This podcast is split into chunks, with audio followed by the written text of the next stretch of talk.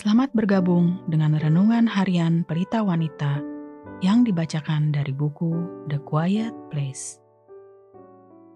Pembacaan Alkitab hari ini diambil dari Mazmur 16 ayat 7 sampai dengan 11. Aku memuji Tuhan yang telah memberi nasihat kepadaku. Ya, pada waktu malam hati nuraniku mengajari aku aku senantiasa memandang kepada Tuhan, karena Ia berdiri di sebelah kananku. Aku tidak goyah. Sebab itu, hatiku bersuka cita dan jiwaku bersorak-sorak.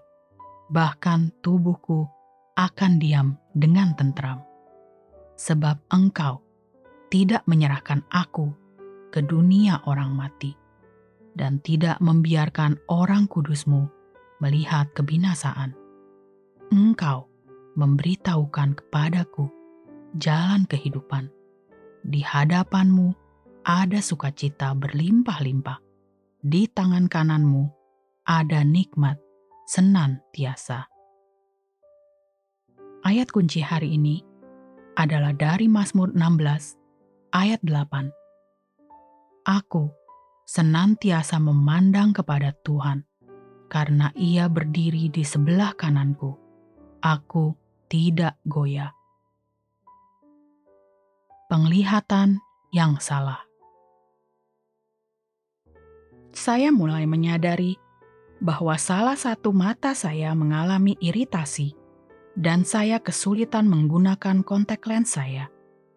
Pada mulanya, saya mengira ini adalah suatu reaksi alergi dan saya coba obati dengan antihistamin. Tetapi masalahnya tetap ada, malah menjadi sangat mengganggu.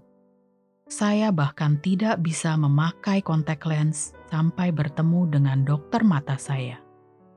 Setelah memeriksa mata yang menjengkelkan itu, dia menerangkan bahwa masalah saya bukanlah alergi.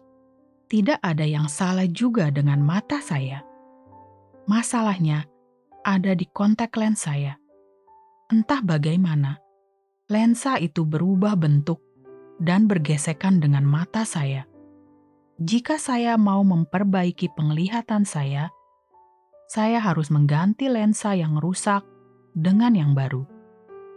Seperti itu juga, sebuah penglihatan yang rusak akan Allah akan mempengaruhi bagaimana kita melihat segalanya di sekitar kita, termasuk bagaimana kita melihat diri kita sendiri.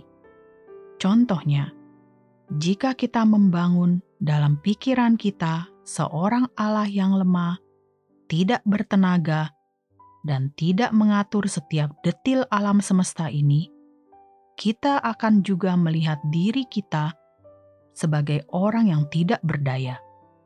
Kita akan kewalahan oleh badai-badai yang kita hadapi. Apa yang tidak bisa kita lihat adalah yang menyebabkan iritasi dan kekacauan dalam jiwa kita.